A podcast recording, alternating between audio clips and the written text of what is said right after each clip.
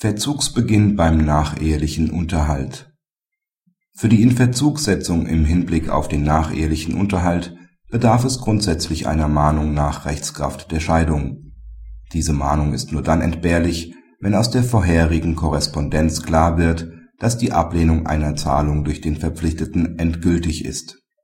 Die Eheleute heirateten 1999. Sie sind seit 14.12.2006 rechtskräftig geschieden. Die Ehefrau forderte den Ehemann mit anwaltlichem Schreiben vom 24.11.2006 zur Auskunft und zur Zahlung von Unterhalt auf.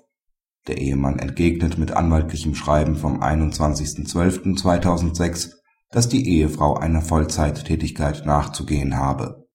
Der Unterhaltsanspruch ist daher nach seiner Ansicht dem Grunde nach nicht gerechtfertigt.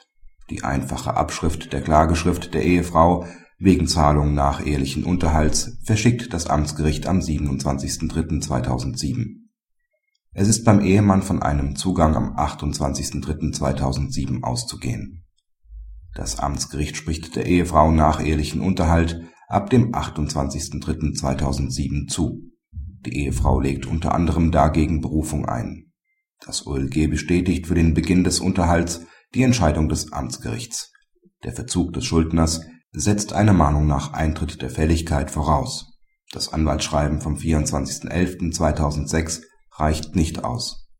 Das Schreiben des Ehemanns vom 21.12.2006 stellt keine endgültige Leistungsverweigerung dar.